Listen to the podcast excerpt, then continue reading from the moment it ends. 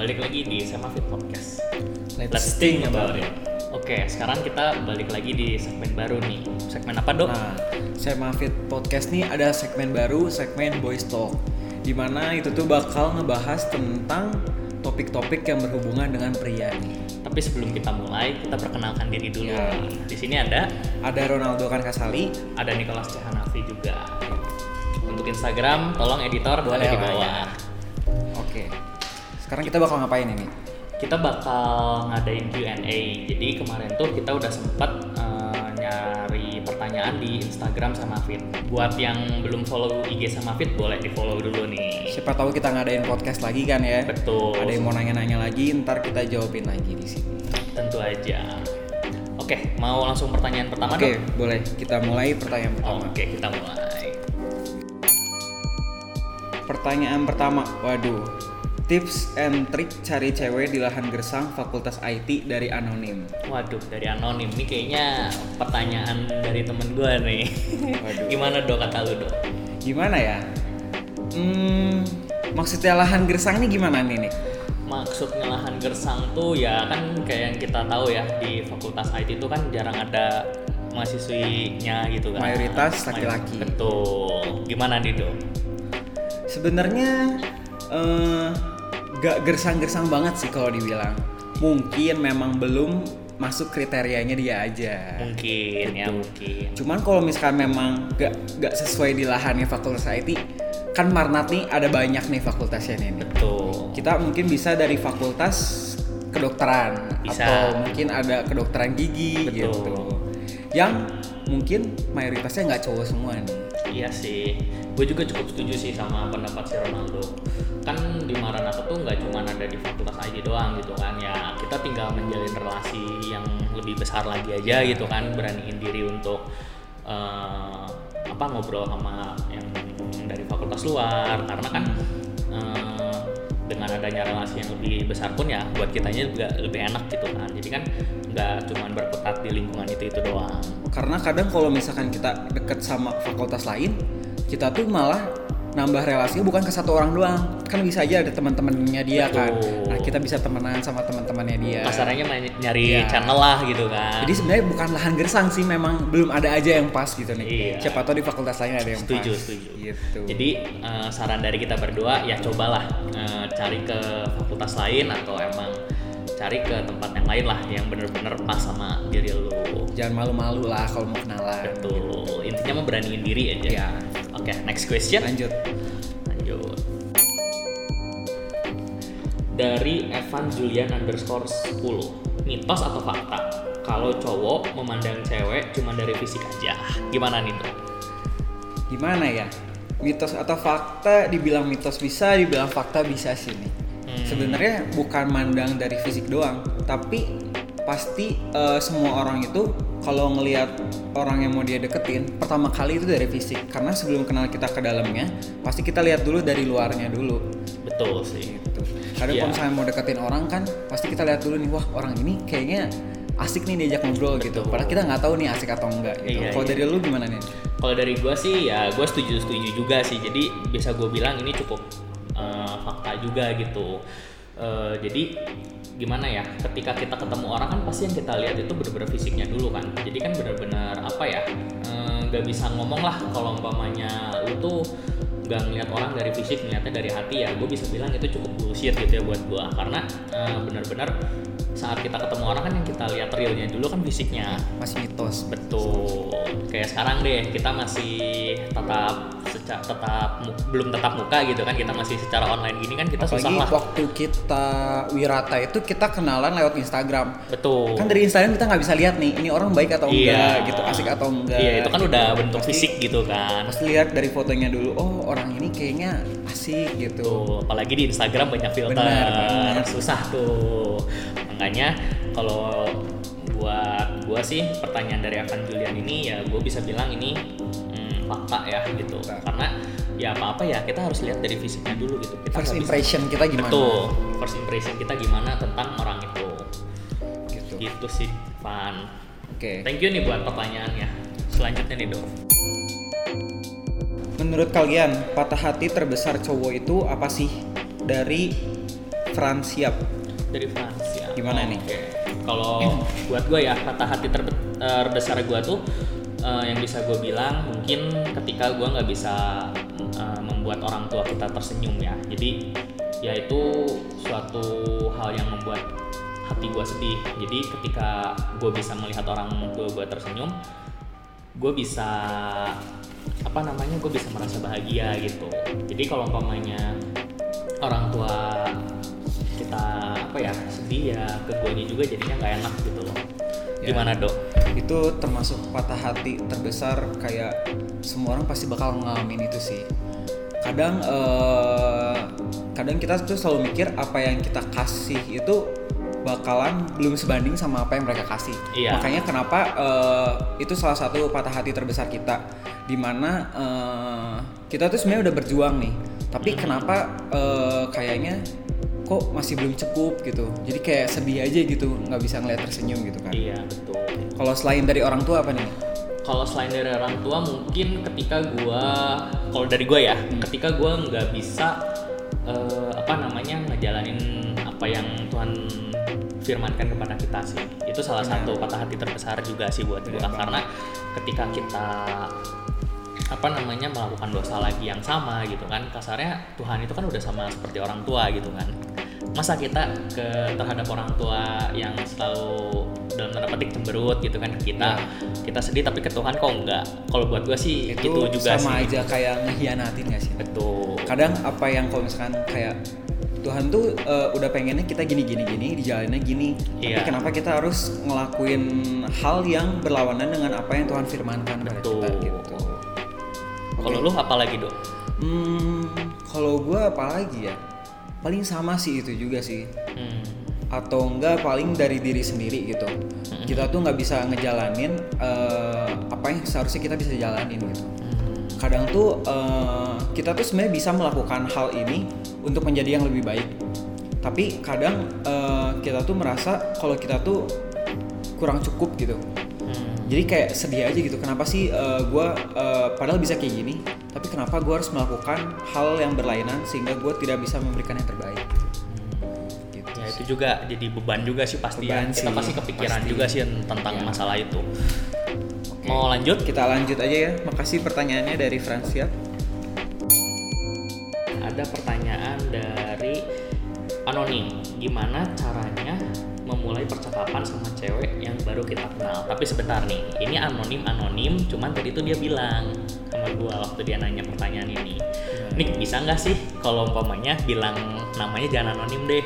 Katanya gini bilang ya ini pertanyaan dari temen lu yang udah ngejomblo selama enam tahun. Wah 6 tahun nih lumayan juga sih. lumayan ya Lumayan. mau tahu kan nama instagramnya nama instagramnya tuh @martinwidarmadi underscore Martin dari Martin, Martin, ya. berarti ini kan jadi pertanyaannya gimana caranya memulai percakapan sama cewek yang baru kita kenal gimana caranya memulai percakapan dari cewek yang baru kita kenal Hmm. sebenarnya salah satu eh, apa ya yang harus kita lakukan itu percaya diri sini Hmm. percaya diri itu Setuju, setuju. pokoknya akan apa ya membuat segalanya tuh lebih mudah gitu.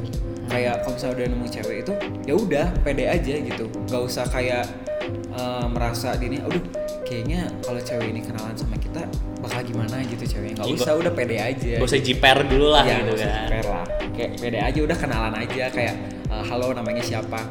Pokoknya menurut gua ya kita kenalan kenalan aja masalah dia suka atau enggak ya udah nggak apa-apa yang penting kita udah kenal gitu Iya, yang penting kasarnya kita udah memberanikan Iya. diri gitu kan. Pede kita lihat lah gitu. dari respon dia juga gimana gitu Iya. kan. Kasarnya ya itu udah common sense lah gitu yang kan. penting udah coba duluan kalau nggak coba coba. nanti eh, kita udah ketemu nih cewek waduh ini kayaknya cewek cantik nih pengen deketin tapi kita nggak berani kenalan itu bakal kayak hantu penasaran sih Iya. kayak aduh kenapa ya kita kok gua nggak kenalan nih dulu sama dia Iya. padahal kan harusnya bisa gitu ya itu pede aja lah udah kenalan kenalan aja gitu Iya, iya. Kalau dari gue juga ya gue bisa bilang pendapatnya mirip-mirip lah sama Ronaldo. Karena ya yang penting kan kita udah pede, udah berani, udah mencoba gitu kan. Eh, untuk masalah ke depannya ya kita tunggu nanti aja gitu kan. Kasarnya kalau umpamanya udah mencoba udah nggak penasaran lah gitu kan jadinya kitanya juga jadinya enak nggak penasaran ke dianya juga ya kalau umpamanya emang nggak suka ya udah gitu kan. Iya. Tinggal ya udah tinggal dari kitanya aja Nah, kalau nanti- umpamanya masih mau ngejar atau enggak gitu kan. Benar. Nanti siapa tahu kalau misalnya kita nggak kenalan nggak taunya dia juga mau kenalan sama kita nah, gitu itu dia yang masalahnya. ditakutin soalnya kan Gimana? ketika apa ya kalau gue boleh ngomong kayak ceweknya kan malah lebih ragu lebih Ya. malu-malu lebih ragu-ragu ya, dari kita jadi cowok gitu kan. jangan malu-malu lah langsung aja Betul. kita kenalan gitu apalagi kalau umpamanya emang dari lu udah ngeliat fisiknya eh cocok nih sama Ya. kriteria gua gitu kan cobain aja dulu gitu kan kasarnya kan emang kita sebagai cowok tuh sebagai hunter lah gitu kan kasarnya cewek mah tinggal nunggu dipilih aja sama cowok gitu kan oke. Pede aja. Betul. Martin ya Martin. Martin. nih Tin tuh Tin. Dengerin Tin. Pede aja dulu Tin intinya mah. Sikat sikat aja dulu. Iya. masalah diterima atau ditolak itu urusan belakangan Tin. Daripada Tenang aja, penasaran Tin. kan ya. betul. Daripada ya itulah dihantui dalam merasa penasaran gitu kan. Kepo dong nih cewek gimana ya? gitu kan. Sikat aja dulu lah Tin gitu. Oke nih Do ini lanjut Do. pertanyaan kelima ya. Mm-mm. Oke, membedakan teman bagi seorang lelaki dari Ed Fairly Apyang 9 membedakan teman dari seorang laki-laki. Ini seorang laki-lakinya gimana dulu Dari nih? kalau umpamanya sisi cowok ya. dari sisi cowok gitu kan. Hmm, kalau umpamanya kita berada di dalam satu circle apa namanya yang isinya cowok-cowok semua ya ya udah gitu kan. Namanya kita berteman membangun suatu relasi ya udah gitu kan. Like a friends aja gitu kan. Nggak ya kasarnya ya kita ngobrol-ngobrol nong- ya kasarnya mah nongki-nongki santuy Ya, gitu kan bahasa bercanda dulu aja. bercanda aja gitu kan kita bawa enjoy bawa bawa santai gitu kan jangan dibawa baper kalau umpamanya emang ada dark jokes atau yang gimana ya udahlah gitu kan kasarnya kita terima aja dulu satu satu dua kali cuman kalau udah kelewatan ya mungkin baru gitu ya kita agak sedikit merespon agak nanya cuman ya tetap kita harus meresponnya juga dengan cara yang baik karena berdasarkan Alkitab juga kan kita harus tetap sabar kita harus tetap Ya, bisa memaafkan benar. gitu kan ketika lu ditampar pipi kiri ya lu berikan pipi kanan lu Harus gitu terima kan. semuanya. betul gimana nih dok kalau kata lu Kalau dari gue ya, eh, dalam kita temenan itu ya, sebenarnya mau cewek atau cowok itu kita terima aja semuanya. tuh Kita eh, tetap temenan sama semua orang. Tapi kalau misalnya memang ada yang nggak cocok dengan eh, kriteria pertemanan kita, ya udah gitu. Ya kalian bisa gak usah terlalu deket gitu. Karena nyari temen tuh sama aja kayak nyari pacar sih. Kalau misalkan semuanya juga pasti awal-awal kita bakal deket lagi gitu. Bakal deket dulu, deket dulu, kenalan, ngobrol dulu, bakal jalan-jalan dulu sama temen. Apalagi kayak di kampus gini mungkin kita bakal kayak ngomongin pelajaran atau apa pun. Iya. Tapi kalau misalkan nanti akhir-akhirnya malah ternyata wah kayaknya temen ini nggak cocok nih kayaknya dia terlalu apa terlalu tanda petik barbar lah gitu ya kan. barbar atau terlalu mungkin nggak cocok lah intinya Iya. itu ya kita bisa ya nggak apa-apa agak membuat space gitu Iya, tapi bukan berarti kita musuhan betul cukup mengenal cuman ya kita tidak terlalu dekat lah gitu Nah. kan karena ya gue boleh ngomong gak sih di dunia itu nggak ada yang nggak ada gitu. Iya. ada aja pasti yang pasti ada. yang nyeleneh lah satu kalau nggak yang dalam tanda petik ya agak-agak gimana gitu kan. Sebaik apa pun. Betul. Karena- kasarnya eh, kita tuh gimana ya pasti ada yang suka sama kita pasti ada juga yang nggak suka lah sama kita. Benar. itu tuh udah hal yang lumrah lah gitu kan. Udah kasarnya orang awam pun udah ngerti lah. Ya. Gitu. Jadi eh, untuk masalah teman sih ya bawa santai aja cuman kalau umpamanya ada FWB gimana nih dok? Waduh FWB nggak bisa dibilang juga sih. Kadang apa ya? Ya intinya mah temenan aja lah dulu semuanya lah. Jadi nggak usah lah ya namanya usah. FWB FWB temenan pokoknya semua orang tuh bisa jadi teman tapi nggak semua orang bisa jadi teman dekat betul. Temenan mah temenan aja sama semua orang. Gitu. setuju setuju setuju jadi untuk masalah FWB mah ya udahlah ya itu mah nomor dua nomor tiga lah ya. Yang penting kita relasi dulu kita bangun apa namanya bangun pertemanan yang sehat dulu lah gitu Iya. kan. Kasarnya kita udah mencoba seperti itu kalau emang masih belum bisa ya ya udah gitu kan. Berarti Buat emang orangnya iya. Tapi ingat nggak boleh musuhan. Betul. Oke kita lanjut nih ke tapi sebelum lanjut nih do ada baiknya kita seruput dulu. Nih dari tadi kita udah diem di depan terlalu mata banyak gitu ini kan. kita. Kita terlalu panas nih ya gitu kan hawanya gitu. Terlalu udah asik topik topiknya. udah lumayan lumayan gitu kan. Dulu memang panas nih. Betul cuman disclaimer kita nggak ada di sponsor sama Iya. minuman-minuman ini. Tuh. Oke, kita lanjut. Nih ya dok Pernah berantem dalam tanda kutip kontak fisik karena alasan konyol. Kalau pernah, apa itu alasannya? Dari Ed Willy Nathanael. waduh dari Willy Nathanael Iya. Gimana? berarti cerita tentang pengalaman pribadi Iya. Hmm. jujur kalau gue punya pengalaman pribadi tentang ini iya bisa gue bilang iya jadi kejadiannya waktu dulu tuh gue nggak sengaja nginjak tali sepatu teman gitu kan terus Hmm. dia nggak ada apa-apa main hantem aja gitu main tampol tampol gitu kan Gimana tuh dihantemnya? Waktu itu di sini seinget gue ya dihantem di sini Hmm. beng wah kata gue ya udah gitu kan ya wajar dong refleks gue sikat balik lah gitu Iya. kan cuman ya ya udahlah gitu kan namanya cowok ya harus tahan banting lah kasarnya Itu pas gitu kapan kan. tuh nih? itu seinget gue waktu SMP Waktu SMA. Cuma gara-gara tali sepatu doang. iya itu nggak Jadi itu gimana ceritanya? Jadi waktu lagi mau keluar kelas gitu kan ya kan namanya lagi rame-rame mau keluar kelas gitu kan mana mana sadar sih kita Iya. nginjak tali sepatu orang gitu kan dia mau jatuh mau balik langsung hantem gua gitu makanya ya ya buat gue cukup konyol ya karena kita nggak ada alasan apa-apa tiba-tiba main hakim sendiri gitu kan Benar. itu kan Kayak ya lu nggak tahu apa-apa kan. betul Tiba-tiba. naiklah gua di situ jadi pas momen berantemnya juga ya ya udah itu depan guru juga udah bodo amat gitu Iya kan Kadang kalau udah berantem itu nggak bisa kontrol emosi. betul apalagi yang udah kejadian yang kayak gitu yang bener-bener kita nggak tahu kita nggak sengaja Hmm. main dihakimin sendiri ya pasti kita otomatis emosi naik gitu ya gitu jadi ya kejadiannya begitu sih untuk pengalaman gua kalau lu gimana dok Pengalaman berantem kontak fisik ya? Hmm. Pernah sih berantem kontak fisik, cuman gue tuh lupa alasannya nih. Pokoknya gue Hmm. pernah berantem dulu, udah sering beberapa kali gue berantem kontak Hmm. fisik. Oh pernah waktu itu sekali ada, tapi itu bukan hal konyol sih. Hmm. Jadi dulu gue sempet kayak gue satu kelas sama eh, satu cewek. Nah ceweknya ini tuh udah punya pacar, tapi pacarnya tuh kakak kelas. Hmm. Nah, di situ kan gue kan temenan sama siapa aja kan. betul betul Terus eh, nggak tahu kenapa si kakak kelas ini tuh eh, tiba-tiba suka datang ke gua. Tiba-tiba nyekek gua atau ngapain gua pokoknya tiba-tiba ngajak berantem. Di situ ya ya kayak lu ngomong lah, semua cowok pasti ya kesel lah digituin. betul Tapi gua tuh selalu kayak mikir eh, apa ya? Kalau dia udah main fisik ke gua ya, bisa gua nggak main fisik balik sih Hmm. karena ya kalau misalkan dia udah main fisik ke gua gue main fisik balik hitungannya jadi dua-duanya yang salah iya sih. Ya kan? Tapi kalau misalkan dia main fisik sendiri ya udah. Gua nggak salah apa-apa. Toh menurut gua gua nggak ngedeketin cewek lu gitu. Kalau misalkan gua ngedeketin cewek lu ya gue bisa nunjuk lu balik gitu. Betul betul betul betul. Nah sih kalau gua sih jarang sih kayak bales main fisik gitu. Kadang mungkin ada aja gitu yang ke gua. Tapi gua nggak nggak terlalu ambil hati gimana lah. Kalau setelah kalau berantem tapi bukan fisik pernah berantem bukan fisik. Hmm.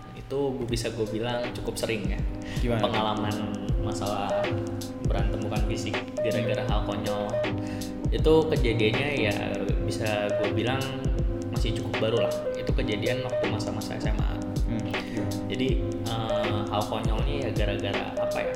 Ya mungkin entah iri kah entah apa gitu ya. Gue juga masih nggak terlalu gitu jelas dan gitu ngerti tentang masalah ini gitu kan. Ya kasarnya gue yang ngadepinnya aja bingung gitu kan tentang masalahnya apa. Tapi ya berantem secara mental sih wah itu sih parah ya kalau mau diceritain ya. Kayak tiba-tiba ngejelekin dari belakang lah gitu kan. Orangnya depan kita masuk sok baik cuman kan dari belakang kita nggak tahu gitu kan dia ngomongin apa tentang kita. Iya. itu sering terjadi sama gue waktu gue di SMA itu kasarnya sampai eh, relasi gue di SMA pun ya bisa dibilang hancur lah gitu loh nggak sebagus waktu gue SMP atau sekarang itu karena ya mungkin ya itulah kan kasarnya kalau punya nama sekali udah jelek udah susah lah ya Iya. gitu kan udah susah ngomong lah apalagi yang ngomongin jeleknya itu orang-orang yang dalam tanda petik orang-orang yang punya kekuasaan lah gitu kan Iya. orang-orang yang bener-bener Pakai dulu sekolah kan ya. betul Pasti ada ini. itu jadi ya untuk masalah itu sih dari pengalaman pribadi gue sih yang paling parah itu sih yang non fisiknya. Karena ya benar-benar di situ kita adu mental aja gitu kan. Siapa yang kuat dia yang menang gitu jatuhnya kan. Cuman ya kalau untuk gua sih masalah yang kayak gitu ya udah nggak panggil lewat aja gitu Iya, kan. soalnya makin kita makin ngepeduliin mereka mereka justru makin seneng. Ya malah makin asik sendiri. Betul. Tapi kan kalau kuliah juga kita belum tahu kan kita belum Betul. ketemu langsung. Betul. Kita cuman baru kayak ya lihat-lihat settingan biasa Iya. lah kalau sama temen sekarang kan. Tuh cuman ya ya ya namanya lagi online gini gitu kan masih masih masa-masa pandemi ya susah Hmm. ngomong lah gitu kan untuk bener-bener cari relasi yang benar gitu kan cuman kalau untuk relasi yang udah gua, gua buat sih yang beberapa yang deket sama gua gitu ya mungkin nonton video ini ya udah ada yang beberapa ketemu sih ya itu udah oke lah gitu loh buat gua tapi kadang juga kalau misalnya kita udah temenan secara online gini nih ya kan kuliah kan kita online Hmm. Kita belum ketemu langsung Betul. tapi kita udah deket tapi bisa aja gitu di offline itu bisa jadi teman jauh kita Iya, Itu malah bisa jadi, aja malah jadi bumerang juga kan buat kita ya. Intinya mah bener-bener dalam relasi itu apalagi pertemanan ya harus hati-hati lah. Kita bener-bener harus bukannya harus selektif dalam artian jadi nyari musuh, cuman ya bener-bener selektif mana yang bener-bener bisa jadi temen, mana yang bener-bener teman sekedar tahu, sekedar kenal. sekedar teman aja nggak usah dekat kayak tadi kita bilang Iya, gitu. jadi kasarnya bener-bener ya udah gitu kan lu ya, ya ditanya kenal kenal, teman teman, cuman deket nggak? Nah, Iya. itu di situ yang jadi pembeda gitu ya kan. udah cuman ya udah teman aja gitu Kalau lu gimana dok? Kalau gua berantem gak fisik itu pernah sih. Kayak dulu eh, dulu tuh kayak hmm, kan kita SMA dibagi IPA sama IPS kan. Di mana eh, IPS tuh kayak yang kita tahu lah eh, IPS tuh biasanya lebih mendominasi sekolah. Hmm. karena kebanyakan dari orang-orang IPS tuh eh, lebih kayak apa ya? Lebih kayak lebih kayak agak nakal nggak sih gitu Hmm, bisa dibilang sih, bisa dibilang. walaupun sebenarnya anak IPA juga nakal Betul. tapi anak IPA itu lebih dilihatnya kayak anak nakal tapi yang masih sesuai aturan gitu. Iya masih ya dalam tanda petik masih pinter lah, masih kutu buku lah yang gitu gitu bener. kan. Tapi sebenarnya eh, apa ya? Pergaulan anak IPA sama anak IPS itu sebenarnya nggak jauh beda sih. Betul. Cuman kadang eh, karena perbedaan IPA IPS itu di mana IPS tuh ada yang nggak suka IPA lah, IPA nggak suka Iya. IPS gitu pasti ada. Dan di IPA pasti ada yang dominasi, di IPS pasti ada yang dominasi. Nah, di dominasi-dominasi itu biasanya Hmm. itu jadi berantem-berantem gitu. Hmm, jadi lu termasuk kaum kaum yang mendominasi dong. Enggak dong. Oh, gua kira. gue cuman kayak support aja IPA. Oke. gitu. Kan gue anak IPA, lu anak apa? Anak IPA dong. Anak IPA. Ah, IT kan. Iya. Gitu. Jadi kalau untuk masalah berantem berantem sih Will ya, pengalaman kita begitu sih Will. Iya. Buat Willy nih. Gitu. Yang mungkin nanti nonton videonya kan. Betul. Mungkin nonton atau gimana gitu kan Will ya, lagi santai gitu kan sambil ngopi gitu nonton, dengar ketawa-ketawa diri ya udah lah ya Iya. gitu kan. Itu pengalaman kita gitu. Kalau lu mau ada pengalaman mau apa namanya mau sharing-sharing bisa langsung Bisa. kontak aja gitu kan untuk next question and answer Curhat-curhat juga gitu. curhat-curhat juga bisa di situ ya Will ya kita tunggu dari Mungkin nanti lu. boys talk selanjutnya Willy. Setuju. Kita panggil Willy. Gitu. Dari sisi yang lainnya, at sisi yang lainnya. Ini kayaknya kemarin kita udah searching dari Oh, iya. Koroy ya. Dari Koroy. Kayaknya ini dari Koroy. Di sini pertanyaannya apa peran laki-laki dalam sebuah hubungan berpacaran? Gimana nih dok? Sebelum ini kita minum dulu nih. Boleh, boleh, boleh. Tadi apa? Peran apa laki- peran laki-laki dalam sebuah hubungan berpacaran? Waduh, peran laki-laki lumayan gede nih. Dari lu dulu aja, dari lu dulu. Waduh, cukup berat ya. Kalau buat gua nih, eh, peran laki-laki ya sebenarnya mau cowok mau cewek ya dia pasti punya peran yang besar dua-duanya lah. Karena kan bener-bener kalau udah masa-masa pacaran tuh kalau buat gua tuh bener-bener memperkenalkan diri lu gitu kan. Lu juga ya kasarnya saling mengenal lah gitu kan. Lu memperkenalkan diri lu eh, yang cewek juga pasti kan akan mengenalkan dirinya ke lu gitu. Jadi ya eh, ya lu be yourself aja gitu bener-bener jadi jati diri lu lu tunjukin aja ke dia gitu kan. Kasarnya biar udah ada pahit lah dari awal gitu kan. Nggak nanti udah bikin rumah tangga nyesel. Kan banyak tuh kejadian gara-gara odol aja mencat di Iya, ujung bener. depan sama ujung tengah aja bisa berantem bisa cerai gitu kan. Masa gara-gara hal kecil hal bodoh sekonyol itu aja bisa jadi masalah rumah tangga yang besar gitu kan jadi ya eh, buat gue sih dua-duanya ya itu punya peran yang cukup penting cukup besar juga gitu dong Kalau peran ya, peran dalam berpacaran itu sebenarnya keduanya tuh punya peran yang sama benar kata lu. Semua perannya itu sama tapi eh, sama besarnya tapi beda beda jenis gitu. betul Kadang tuh eh, laki-laki tuh lebih ke arah perannya itu mengarahkan gitu. Iya, iya. Kadang ada yang eh, ada yang mungkin dari batas pacarannya ada yang melewati. Nah laki-laki tuh harus bisa mengarahkan ke jalan yang tepat gitu. kasarnya jadi stoppernya lah gitu Jadi stoppernya gitu. Tapi karena mengarahkan itu laki-laki juga nggak boleh kan. mengarahkannya eh, kayak nggak bener dong terlalu berlebihan. iya Karena eh, apa ya banyak kayak laki-laki itu merasa kalau dia tuh bisa mengarahkan sehingga segala sesuatunya itu harus eh, mau sesuai apa yang dia pengen gitu. Iya, kasarnya Padahal, tuh nggak bisa gitu. Betul. Jadi kayak ngambil enaknya doang lah. Kayak nganggep ya udah lu kan cewek gua Ya, gitu kan. Ya kasarnya yang ngarahin kan gua, yang punya kekuasaan gua ya, itu Ya. juga nggak benar. Cewek juga nggak boleh kayak terlalu pe- apa ya ngikutin laki-laki lah gitu. Betul. Ya karena yang gue bilang tadi apa perannya itu sama sebenarnya. Jadi nggak ada yang mayoritas siapa, minoritas siapa. Pokoknya kalian eh, kalau misalnya sampai ada cekcok atau apa, kalian kompromi dulu, eh, cari jalan tengah. Mm. Karena eh, jangan sampai ada satu orang yang terlalu mendominasi. Karena apa ya? Gak enak nih kalau nggak enak banget mendominasi sih. Intinya mah harus saling komunikasi. Komunikasi itu Balik lagi ke komunikasi. Jadi kalau umpamanya dari pacaran aja kalian komunikasi udah kurang, gue sih kalau boleh jujur nih ya, apalagi nanti udah berumah tangga gitu, Ya. itu bakal lebih susah lagi.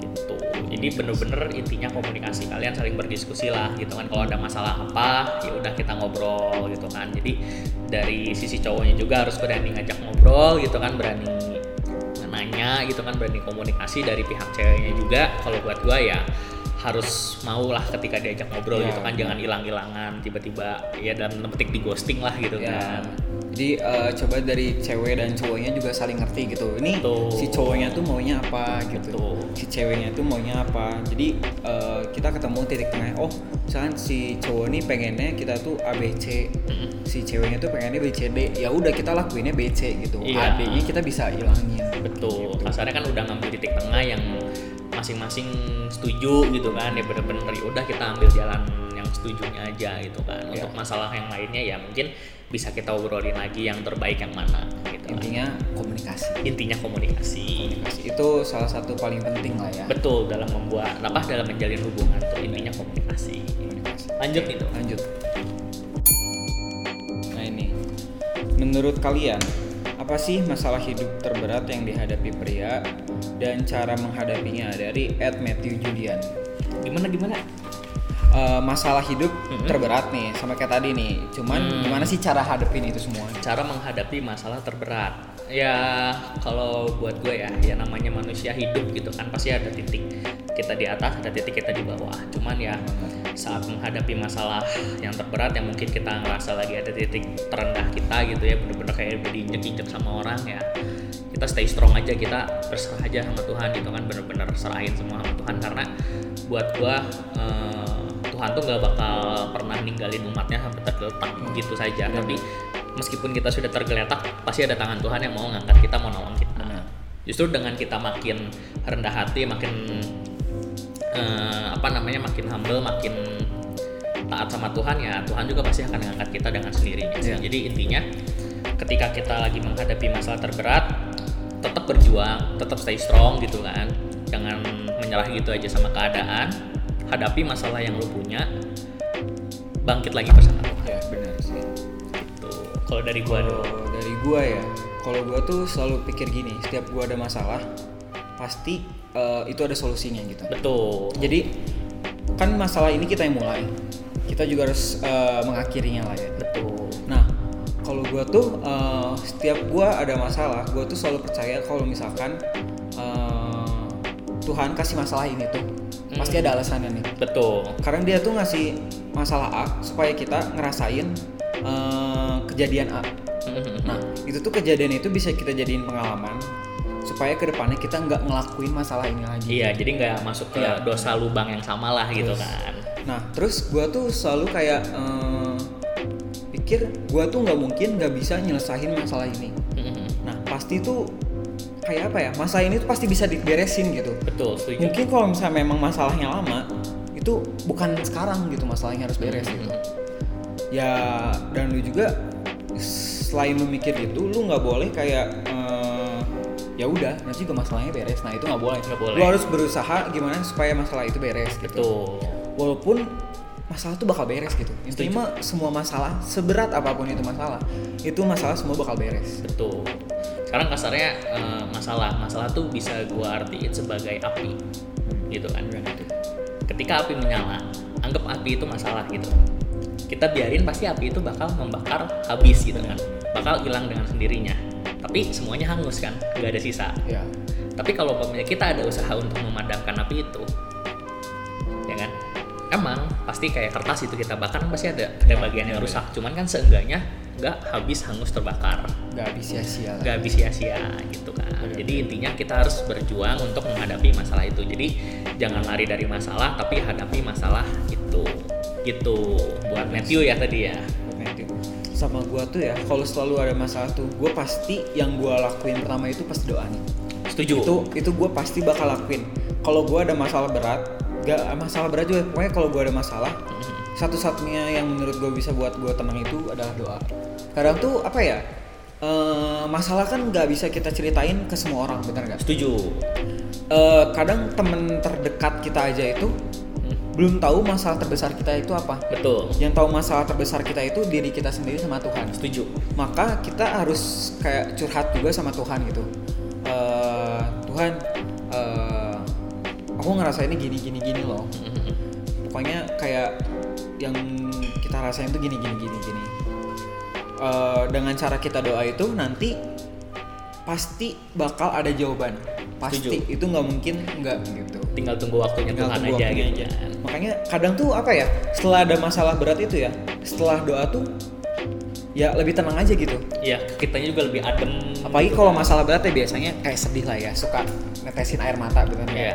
kadang tuh apa ya netesin air mata tuh buat lega. Betul. Tapi kayak nanggung gitu. Iya nggak kalau apalagi paling enak tuh ya ada masalah netesin air mata doa. Nah udah Iya, itu, itu beres plong. doa udah plong banget sih. Itu gue berani jamin Iya. plong karena gue juga ngerasain biasanya juga gitu bener-bener intinya Kayak- berserah sama Tuhan dan tetap hadapi masalah itu.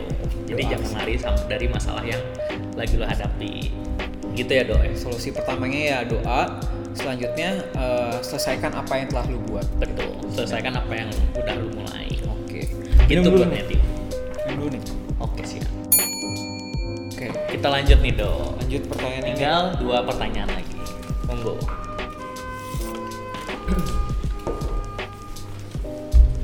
penting nggak investasi di masa muda? Dari Ed Roy Pasauran. Gimana nih? Penting nggak investasi di masa muda? Tadi kan kita udah ngebahas tentang investasi diri nih. Mungkin ya nextnya investasi yang gak kalah penting ya mungkin ya. Tadi yang bisa dibilang gak gitu penting ya mungkin salah satu investasi yang paling baik ya. Investasi buat masa depan ya salah satunya mungkin ya kita udah nyicil-nyicil udah mikir yang namanya buat kita ke depan mau jadi apa sih gitu kan kita mau kita mau punya tabungan gimana sih gitu loh. Kita mau jadi orang yang gimana sih gitu kan. Kita mau kerja terus sampai masa tua kita kah gitu kan.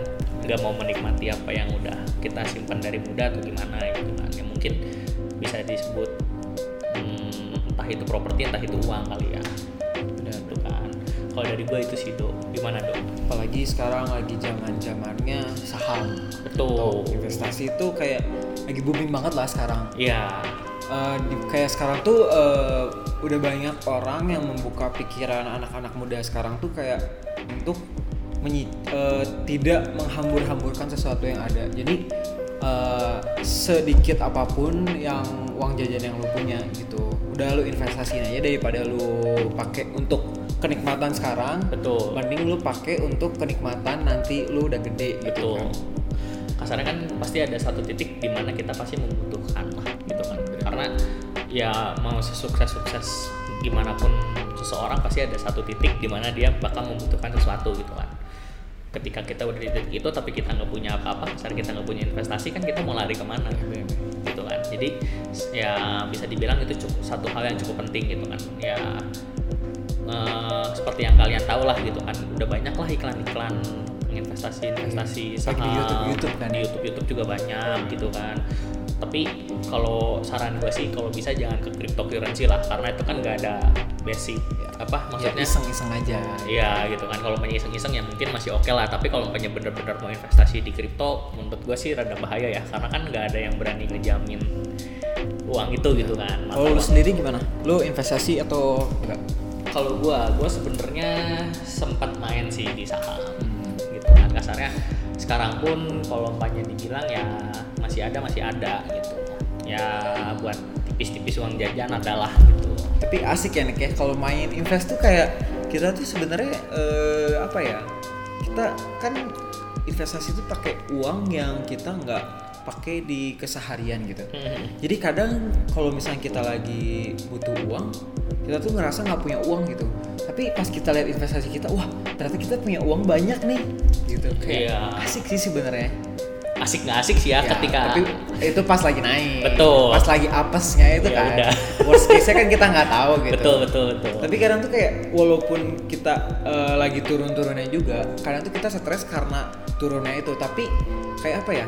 Eh, itu eh, kita punya suatu kebanggaan tersendiri nggak sih nih Kayak, bisa dibilang ya ternyata eh, gua nih umur segini tuh udah bisa invest ternyata ya kasar udah bela- udah belajar invest kayak gini-gini lah apalagi kan gitu. kalau misalnya kita kayak gini kan ya kita harus belajar sendiri dong Betul. kita harus lihat-lihat kita harus lihat dari YouTube mana Ya. dari kayak artikel mana yang kita harus baca gitu kan bahkan kita harus baca yang namanya news juga kan Ya, benar, gitu benar. kan kayak misalnya ada berita di Amerika takutnya dolar turun atau naik kan dia ber- bergantung dari itu juga kan dari news itu. Ya kasarnya jadi bener-bener kita tahu berita kita tahu politik gitu kan. Jadi dengan ya mungkin dengan kata lain dengan kita belajar itu ya kita jadi tahu masalah-masalah di dunia luar itu seperti apa sih gitu. Benar. kasarnya dinginnya dunia luar itu seperti apa gitu kan. Jadi kayak invest tuh nggak nggak cuman masalah gimana kalian memperbanyak uang gitu. Betul. Kalau memperbanyak uang mah ngepet juga bisa. Nih. waduh. Ya kan? Tapi kan kalau saham kan kita kayak apa ya kita membaca eh, berita-berita yang ada gitu. Betul betul. Itu tuh nggak cuman berpengaruh di saham doang. Kita juga harus tahu lingkungan sekitar kita tuh gimana setuju. sih. Betul betul betul. Gitu kayak ya pengaruh lah. Ya kasarnya ya cuman ya harus siap mental juga ya kalau mau Ya. yang namanya mencoba investasi. Karena ya itu buat gua gitu ya pengalaman-pengalaman pertama tuh cukup adrenalin juga ya gitu apalagi kan kalau misalnya baru pertama tuh ya Waduh. biasa orang-orang pertama tuh kayak dia udah eh, invest per jam tiap jam dilihatin Iya. dipantengin Betul. udah FOMO banget Waduh. itu gue inget masa-masa awal masih belajar gitu kan gitu gitu ngelihat tanda merah aja waduh gitu loh kayak udah udah ngeliat tuh Iya, berapa gitu. persen wah betul gitu gitu ngelihat candle gitu ngelihat chart gitu kan. Waduh kok gini gitu kan. Padahal ngelihat berita harusnya up tapi kok ngedown gitu kan ya banyak hal-hal yang tidak terduga cuman ya itu jadi suatu pengalaman yang cukup menarik sih dalam hidup lumayan ini ya latihan mental latihan mental waduh lebih tepatnya adalah latihan adrenalin kayaknya ya. takutnya nanti kan gitu kan kita kayak kayak sekarang gitu kan tiba-tiba dikasih pandemi semua ekonomi berhenti Hmm. gitu kan ya itu kan sama aja ketika Nggak kita ada lagi tahu, kan? betul kita nggak ada yang tahu ya itu kan sama aja ketika kita lagi investasi gitu kan ngeliat berita harusnya bagus kok anjlok gitu kan ya itu udah ya kasarnya ya itu udah jadi salah satu latihan. Dulu lah gitu loh kasarnya kita udah tahu kondisinya bakal gimana gitu kan. Jadi ya kita udah tahu cara eh, apa namanya cara mengatasinya cara menanggulanginya gitu kan. Meskipun sedikit-sedikit ya tapi ya ada dampaknya lah gitu buat kehidupan gitu dengan cara berinvestasi yang kayak gitu. Kita nggak ada promosi investasi di mana itu balik lagi ke kalian sih sebenarnya buat kok Roy ya. Gitu kok Roy. Sama buat yang lainnya juga. Buat yang nonton juga tentu aja dari at Kristanto underscore T. wah ini yang paling berat nih kayaknya nih. Tanto iya nih. Sebagai calon kepala keluarga investasi yang paling penting untuk masa depan itu apa? Mirip-mirip lah sama yang tadi gimana nih? Investasi yang paling penting buat masa depan itu yaitu investasi diri. Ya satu kan itu, itu adalah investasi terdekat yang kita punya dan pertama. termudah. Betul. Itu dibilang mudah juga enggak sih bos Ya, pokoknya- pokoknya ya yang paling apa ya yang paling deket lah yang paling relate lah ya sama kita kadang kita mungkin kita nggak bisa investasi uang, tapi kita bisa investasi diri kita sendiri. betul gitu. kita bisa membangun karakter kita yang semakin baik gitu kan Karena kan diri itu cabangnya banyak. Betul. Kita bisa dari luar, bisa dari dalam, Betul. bisa dari otak gitu kan. betul Itu tuh semua bakal berpengaruh eh untuk ke depannya gitu. Setuju. Apalagi buat jadi calon kepala keluarga. betul Kalau dari lu gimana?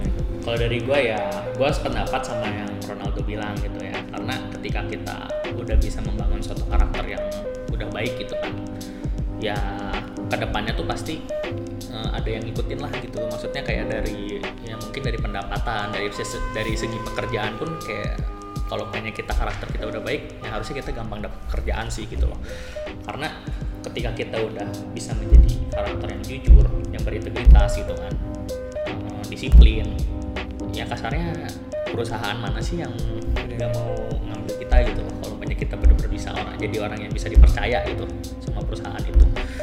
Jadi ya itu salah satu investasi yang paling penting dan yang paling utama lah ya gitu kan menurut kita.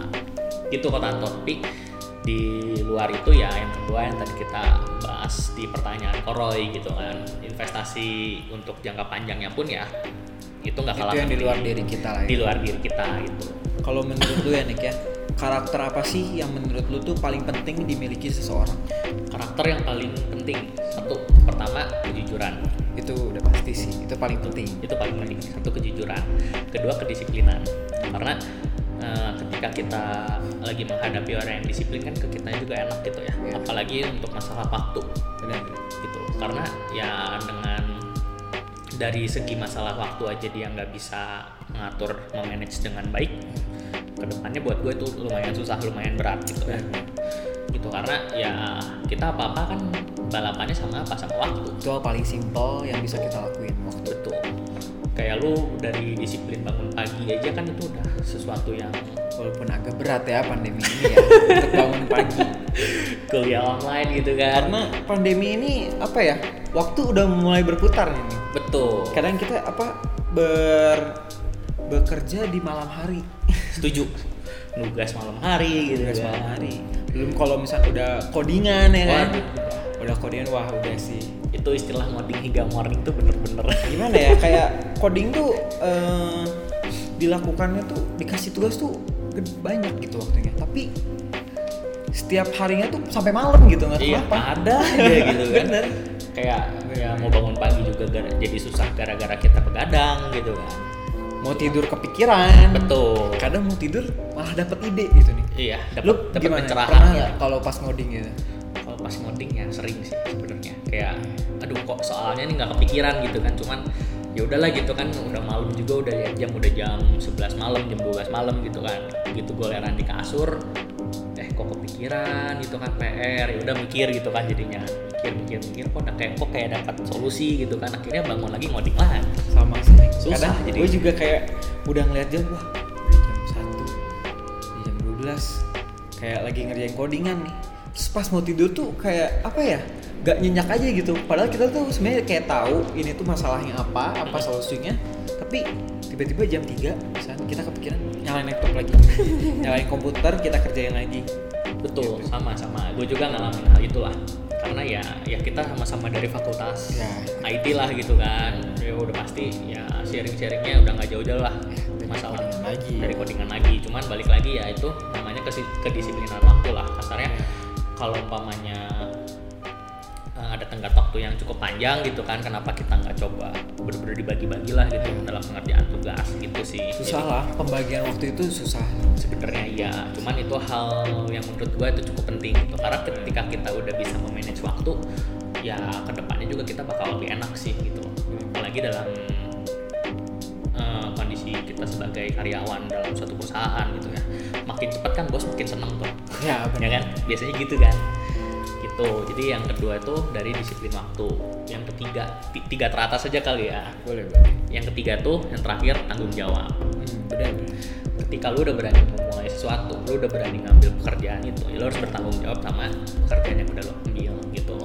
Jadi nggak peduli lu suka atau duka gitu kan ketika lu lagi ngerjain itu. Ya lu all out aja terhadap pekerjaan lu. Karena lu udah mulai aja. semuanya gitu. Betul. Lu mulai pekerjaan ini ya lu harus Nah. beresin. Betul. Kasarnya udah berani ngambil resikonya gitu kan. Ya lu tanggung jawab lah dengan resiko yang akan dihadapi itu gitu.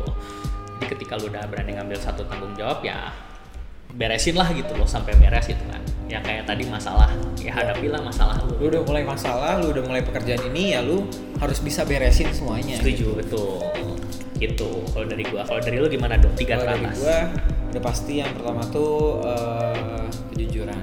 Hmm, kadang tuh kejujuran tuh eh, hal yang susah dibangun tapi mudah untuk dihancurkan. Betul. Kadang kita tuh eh, udah percaya sama satu orang Hmm, tapi kalau misalnya tiba-tiba orang ini ngehianatin kita wah udah sih itu bisa keinget banget sih. Wah. Karena ya penting banget. Betul. kepercayaan itu sangat sangat penting kedua itu konsistensi. Menurut semua orang yang bisa konsisten hmm, itu eh, hidupnya bakal enak. Di- eh, entah apa pun itu konsisten lu. Lu mau konsisten di eh, misalkan kayak sekarang nih kita ngoding konsisten di ngoding udah pasti lu bakal bisa ngoding terus. Betul. bakal lu jadi expert lah. Setuju. Gak di ngoding doang misalkan kayak eh, di fakultas sains mungkin fakultas desain. Kita konsisten untuk ngegambar ya lama-lama bakal keasah gitu gambar Betul. kita. Intinya konsistensi yang kedua. Hmm. dan yang ketiga itu apa ya tanggung jawab sih. Hmm, sama kayak lu kayak tanggung jawab itu ya percuma lu kayak punya ke apa ya kejujuran. Lu udah jujur lu Udah udah konsisten. konsisten tapi lu gak tang gak nanggung jawab nih apa yang udah lu lakuin ini atas kedua karakter ini gitu. Jadi tanggung jawab tuh penting banget sih. Itu penting banget Iya itulah. Jadi ya kalau kita udah kasarnya ya udah yang tadi udah kita sebutin ya. Ya gimana ya harusnya udah enak sih kalau punya udah punya karakter itu karena ya itu yang benar-benar bakal mendidik kita gitu kan. Karena ya itu ketika kita dilihat orang pun kalau kita punya karakter itu ya orang juga bakal eh orangnya baik nih gitu kan orangnya jujur orangnya konsisten orangnya disiplin orangnya bisa dapat ke semua lah bisa dapat relasi juga pasti orang-orang gak jauh dari tiga karakter yang kita sebutin itu sih. Itu itu. Jadi ya intinya balik lagi ke situ sih. Gitu sih dong karakter yang baik. Oke. Oke dok. Tadi kan kita udah ngebahas eh, 10 pertanyaan nih sama kita udah ngejawab juga lah ya. Hmm. kayaknya sekarang kita sharing-sharing pengalaman kali ya. Boleh boleh. Kan kita lagi kuliah nih posisi. Iya. lu beres kuliah tuh mau ngapain nih? Gue sih beres kuliah rencananya mau semoga aja ya nih kan ke lanjut S2 lah. Hmm, terus kalau misalnya memang nggak S2 belum waktunya eh, coba kerja. Coba kerja. Ya gue juga sih ya sama-sama lah. Cuman ya, ya itulah kalau umpamanya dapat beasiswa waktu sebelum kita ya pas pas masih lagi skripsi lah gitu kan ya lanjut S2 tapi kalau Tuhan berkata lain ya cari kerja lah. Ya udah cari-cari lah ya Betul. sebelum sebelum kita udah lulus kita udah harus cari betul gitu. kasarnya kita udah punya planning lah gitu. supaya ntar kalau misalnya udah beres juga ya gampang lah betul jadi kan kasarnya kalau umpamanya udah punya kerja pun ya kita enak lah Hmm.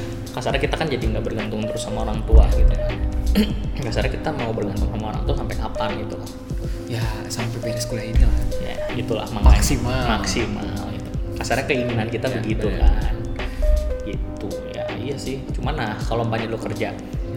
Lu mau nyari kerja yang sesuai dengan jurusan lu atau mau gimana dong ya udah pasti sesuai dengan jurusan lah. Hmm. yang pasti sesuai dengan jurusan karena gue tuh nggak mau ini sih nggak mau buang-buang waktu gue kuliah sih. Karena Hmm. kalau misalnya kuliah gitu ya kita udah kuliah terus kita kerja yang kerjanya tuh nggak sesuai dengan ilmu kuliah kita kayak buang waktu nggak sih Iya sih. kayak kita sama kuliah tuh kayak kita cuman ngambil pengalaman kita kuliahnya aja tapi kita nggak ngambil Hmm. ilmunya gitu sedangkan yang kita cari pas kuliah ini kan eh, ilmunya dan juga pengalamannya gitu. sekaligus itu satu paket lah ya Nah, itu udah pasti lah ya pasti. kalau gimana ya gue juga sih pengennya sih ya yang sesuai dengan jurusan sih entah itu jadi apa no, maksudnya jadi programmernya gitu kan kalau nggak jadi data analisnya ya kalau nggak yang berhubungan berhubungan lah gitu ya IT ya kisaran itu Iya, lah. kisaran situ maksudnya gitu.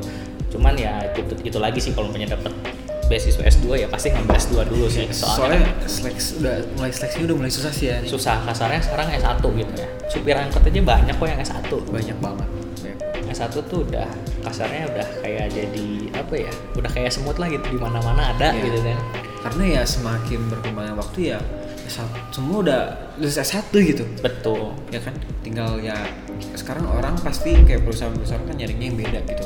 Pasti dia nyari yang lebih ahli lagi dibandingkan S1 kasarnya yang udah punya ilmu yang lebih dalam lagi lah gitu. kan karena ya itu yang semua orang cari sih. Betul yang lebih spesifik gitu kan kasarnya ya ketika lu udah punya pengalaman lebih punya ilmu lebih ya itu pasti yang dicari orang sih Iya, karena apa ya?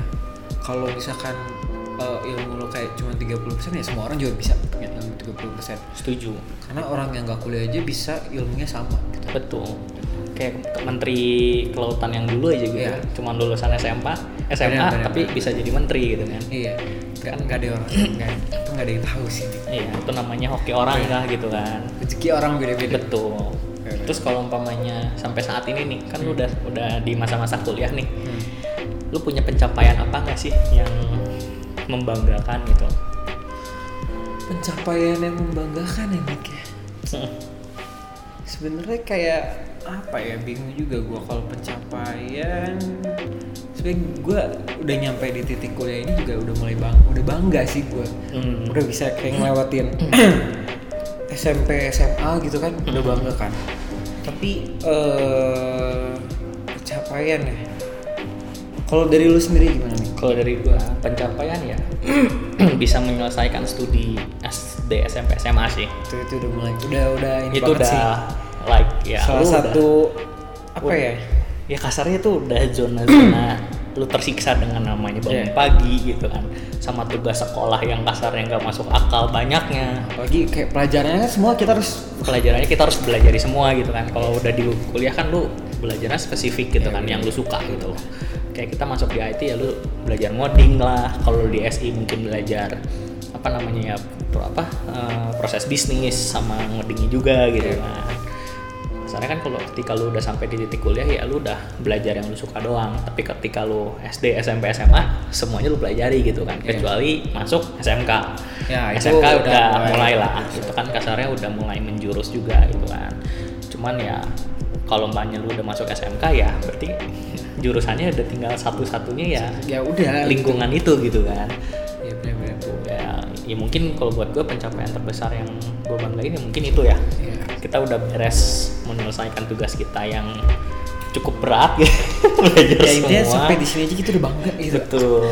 Ternyata eh, padahal pas selama SMP SMA itu kita udah struggle banget ya. Betul. dan ternyata ya itu masalah yang di SMP SMA itu ya kita bisa beresin gitu. Iya iya kan kayak ya ujung-ujungnya ya emang kayak kita ngerasa di posisi itu kan kok berat banget gitu ya susah. Tapi ya namanya dijalani namanya dihadapi ya namanya masalah gitu kan pasti beres juga gitu. Secapek-capeknya cuman kan ujung-ujungnya kita enak juga gitu kan setelah seneng kan seneng udah bisa juga. lihat wah udah beres nih. Ah udah beres nih gitu kan. Terus kasarnya ada adik-adik kita gitu kan yang mau Iya. nanya juga kan bisa kita tolongin gitu kan. Benar-benar. kasarnya ya kita udah ada di posisi itu kita mengerti kondisi dia gitu kan. Nggak ada salahnya lah namanya membantu orang gitu kalau pelajaran dulu pas SMA lu apa nih nih yang paling susah? SMA paling susah? Paling susah paling lu kayak aduh pelajaran gitu. Eh biologi satu karena gua nggak bisa hafalan. Ya terus karena hafalan lagi ya udah pasti yang PKN bahasa Indonesia ya yang teori-teori. IPA pasti paling males hafalan gak sih? Setuju. Ya kan? Makanya mereka masuk IPA karena mereka nggak mampu hafalan gitu betul pengennya kan udah langsung ke arah yang logika lah Gitu. Jadi ya makanya mata pelajaran favorit juga ya kalau nggak fisika matematika sih waktu Iya. apa SMA juga.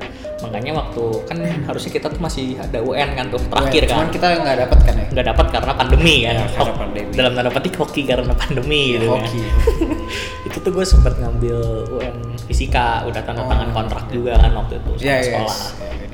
Gitu. Jadi udah ikut pelajaran tambahannya Hmm. waktu ujian sekolah juga udah bener-bener dimantepinnya di fisika. Eh. Pandemi kuliah apa sempat ngerasain juga kan kuliah online eh, apa sekolah Waktu online itu kan? kalau gua pas US ujian sekolah. Hmm. ujian sekolah baru tiga hari langsung pandemi. Sama gue juga. Ya, semua sama sih ya. I- iya kurang lebih sama sih. Gue Kamis Jumatnya ujian sekolah ya kan? Hmm. terus Seninnya harusnya lanjut kan? Eh di cut tuh kan. Gara-gara pandemi. Jadi solusi lainnya tuh cuma dikasih libur satu minggu mulai minggu depannya langsung kelas online. Iya benar. Sama. ya kan? Kelas online-nya juga cuman kayak apa latihan soal Ya, ngerjain kuis, kuis, kuis gitu kan. Kasarnya buat nyari nilai lah nilai-nilai tambahan yang buat PR gitu kan. Cuman ya sekedar cerita pengalaman gue dikasih soal matematika sama guru gue karena dia masih PD ada UN itu berapa nomor ya? 300 nomor Wah banyak kan? Iya, banyak. Udah harus tulis soal, jawaban lengkap. Iya. Ujung-ujungnya apa nggak dikumpulin dok? Tuh kertas kertasnya tuh masih Udah di rumah. dikumpulin UN nggak ada lagi. UN nggak ada lagi kan udah bener suwe dah dah tuh angkatan gimana ya ya cuman ya itu jadi cerita tersendiri lah ya gitu Ya, kan jadi namanya unik ngerasain wisuda SMA secara online gitu Ya. kan terus apa namanya nggak ada malam pelepasan perpisahan sama teman-teman gitu kan sih itu. itu sih yang paling ya bukan bukan sedih bukan gimana ya ya udahlah kita harus jalani gitu kan namanya kondisi begini masa kita memaksain? Gitu. Oke. itu sih pengalaman gue kalau lu gimana dok waktu SMA Apa ya yang paling gua nggak suka kimia sih. hmm. Karena kimia log apa ya logikanya tuh logika yang harus dihafalkan. Iya sih. Ya kan? Logika yang harus dihafalkan dan kayak hafalan dan hitungan dijadiin satu itu kimia. Iya. Nah itu itu, tabel. makanya kenapa pusing gitu. pusing. Tabel aja lu harus hafal kan? kalau nggak hafal tabel lu nggak bisa ngitung gitu. Iya. Ya kan? Iya itu mabok lah itu kimia. Masa-masa kimia. Ya. bisa Ya dibilang udah udah udah kita lewatin ya. Tapi kita udah lewatin lah. Back to topic back to topic. Udah lanjut. Terus apa mimpi terbesar ya yang pengen lu capai? Terus apa halangan yang menghalangi mimpi terbesar lu? mimpi yang pengen gue capai ya Nick ya? Hmm. Udah pastilah gue pengen apa ya pengen punya bisnis sendiri lah pasti semua orang kayak di Hmm. yang apa ya generasi generasi kita udah pasti pengen bisnis sendiri gitu karena eh, menurut gue ya eh, generasi kita tuh udah generasi ambisius semua ya nggak sih? Setuju, setuju. Karena semua orang udah pengen punya bisnis sendiri yang bisa menghasilkan lebih gitu Iya udah ya udah punya pikiran Bisa. startup startup sendiri Ya, gitu kan. Kalau yang menghalanginya apa ya yang menghalanginya? Ya banyak lah. Dari diri sendiri lah malasnya. Iya. Kan itu wah malas udah sih itu penghalang terbesar dalam diri. Kalau lu gimana ya? Kalau gua, kalau gua sih sebenarnya eh, harapan terbesar atau mimpi terbesar tuh bisa bantuin cici gua. Cici gua kan dokter hewan tuh. Dia sempat ngobrol sama gua. Nih, lu bisa nggak sih bikinin program eh, yang bisa bantuin dokter hewan katanya dari nyatet rekam medis, dari nyatet apa vaksinasi dan lain-lain gitu. Gua dikasih challenge gitu yaitu jadi salah satu harapan terbesar gua kuliah di IT gitu lah. Kayak kayak, eh, kita juga eh, sebenarnya berusaha selama kuliah ini mengembangkan apa yang keluarga kita punya nggak sih? Betul. Kayak misalnya keluarga kita udah bisnis ya kita pengen kembangin ini menjadi lebih besar lagi gitu. gitu dengan kemampuan yang kita miliki Nah, tentunya kemampuan. kan cuman kalau gua halangannya ya gimana ya cici gua kan udah minta dari sekarang gua aja baru Ya. baru semester 2 gitu sabar Tapi aja ya ci gitu Sebenarnya walaupun itu sebuah sebuah apa ya sebuah tuntutan yang agak gede karena itu kan harapan dari keluarga Betul, sendiri bener nggak? betul. Terus itu ya bukan mau nggak mau sih itu juga jadi keinginan kita sendiri jadi Betul. motivasi kita Jadi sendiri. kita motivasi juga. gimana supaya ini kita bisa mencapai si mimpi itu? Betul. Mencapai Itu tujuan. jadi motivasi sendiri sih. jadi ya sebenarnya bukan jadi halangan tapi harus jadi motivasi kan. Cuman Iya. karena mungkin ya gue juga ya nggak muluk-muluk lah gitu kan.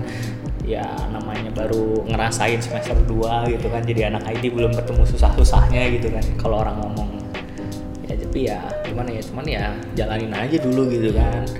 Ntar kalau umpamanya emang ada jalannya pasti bisa aja gitu kan namanya kita menyelesaikan masalah gitu kan. Yang penting kita hadapin dulu aja kita terima aja dulu gitu kan. Beres enggaknya itu urusan belakangan lah Ya. gitu. Yang penting kita udah berusaha dulu lah. Gitu Niatnya dulu. niatnya dulu komitmennya dulu Komitmennya.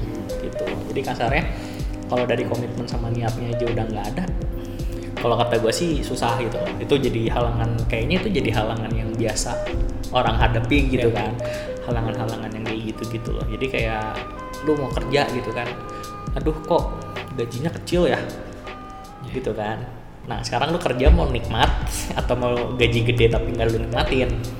Ya Kalau kan? gue ya Nick ya, mending gaji sedang-sedang aja sih tapi lu menikmati karena Iya dengan sih. gaji lu sedang dan lu nikmati lama-lama karena lu menikmati itu kan sesuai dengan apa ya sesuai dengan keinginan lu kan Betul. lu bisa mengubah itu menjadi gede gitu Setuju. sedangkan kalau misalnya lu gaji gede tapi lu tidak nikmati ntar lu eh, buat apa lu gaji gede gitu Betul, betul, sih betul. sedangkan lu aja tidak menikmati apa yang lu kerjakan kayak Betul. aneh lah. Ya gue juga sama sih sependapat. Jadi mending kita bekerja di apa ya namanya ya? Ya gaji pas-pasan, Iya. tapi seseenggaknya cukup lah gitu kan. Iya. Kita bisa enjoy gitu karena dengan enjoynya itu kita bisa ngerjain pekerjaan itu all out kan. bener-bener sepenuh hati gitu kan. Hmm. Nah dari sepenuh hati itu kan pasti ya kasarnya atasan kita juga bisa melihat dong gitu loh. Bukannya ngarep, bukannya gimana, cuman ya itu logika aja gitu kan udah pasti ya pelan-pelan pasti naik lah gak mungkin stay di situ terus titik di titik itu Iya, terus iya. kayaknya gak mungkin deh gitu jadi kayak ya udah yang penting ketika lu mendapat pekerjaan gaji pas-pasan ya udah. Yang penting lu enjoy yang penting lu bisa kerjain pekerjaan itu all out. Menurut gua sih gua bakal ngambil pekerjaan itu sih. Daripada yang udah langsung ya kalau mau ngomong digit gitu ya langsung dua digit gitu Iya, kan benar. angkanya. Tapi lu nggak bisa nikmatin sama aja bohong gitu loh. Lu bakal berkutat di titik lingkaran itu terus aja gitu kan. Berputar putar di situ. Lu kerjaan ya kerjaan yang lu doang capek doang. Ya. ya kan dapatnya cuma capek. Ya meskipun gaji gede tapi dapatnya capek. Nggak nggak nikmat lah nggak nikmat nggak nikmat. kan? Nikmat. lebih baik kita kerja santai kita happy kita enjoy gitu ya kan. setidaknya bisa. India tuh kita udah mapan itu. Mapan kan kita Betul. mencukupi semuanya. Betul. Yang penting kan itu kan? Kasarnya kita udah hidup cukup gitu kan ya. Nggak boros-boros juga. Benar gitu kan? Yang penting ya untuk makan sehari-hari cukup. Kasarnya mau sampai investasi pun seperti yang tadi kita bahas pun cukup ya udah gitu kan. Karena yang balik lagi yang paling penting itu kan ke kenyamanan diri kita sendiri gitu loh. Kalau umpamanya dari kitanya nggak nyaman pun kayaknya sih kalau gue ya mending, mending cabut sih. Bodo amat gaji gede gaji kecil. Kalau lu eh, lu sendiri passionnya apa sih? Passion passion gue kalau ya sebenarnya kalau dari sekarang tuh kalau nggak eh, ngoding program gitu ya jaringan kalau nggak ya data analisis pengennya mah. Ya passionnya sih karena gimana ya eh, kalau dilihat dari ya kayak dari mata kuliah gitu ya dari materi-materi ya kayaknya gue lebih cepat nangkepnya di bidang-bidang itu sih. Ya sih benar-benar soalnya kan ya sekarang eh, ketika lu udah dapetin yang lu suka kan pasti ya lu ngerjain pasti inilah Enjoy lah, enjoy enjoy. lah. Apa-apa kasarnya pasti diulik lah sama- lu lah gitu. pasti sampai ketemu lah gitu. Ya benar banget. Gitu. Kalau lu gimana dong kalau gua sih apa ya gue merasa gue kuliah di jurusan ini udah sesuai sih Hmm. karena emang gue juga dari dulu itu selalu eh, pengen sesuatu yang pekerjaan tuh eh, apa ya berhubungan dengan komputer gitu Hmm. tapi gue juga suka kayak bukan ngulik sih lebih ke apa ya berbisnis gitu kayak asik sih Hmm, pengen punya Apalagi usaha sendiri gitu kan, gitu ya. karena emang gue juga mimpi dari dulu kayak gue harus bisa punya bisnis sendiri gitu. Hmm. sedangkan kalau misalkan lu bisnis tapi lu udah bi- lu ngerti bisnis dan lu ngerti komputer itu udah paket komplit banget sih. Harusnya itu mah. Apalagi di yang sekarang nih. Ya. Itu kan udah kayak nasi timbel gitu kan. Ada sambelnya pakai tahu tempe Nah, ada itu lalapan. udah- itu udah komplit paling banget mantap itu Itu paling mantap. bener. Itu udah udah kayak pas banget gitu. Iya, itu udah kombinasi yang cocok lah gitu kan. Ya sih, ya itu ya itu juga jadi pertimbangan gue sih. Masa gue mau kerja cuman gitu-gitu doang kan? Masa nggak mau ada keinginan untuk punya bisnis sendiri gitu kan? Ada keinginan buat punya bisnis sendiri, cuman kan ya kasarnya itu kan sampingan lah.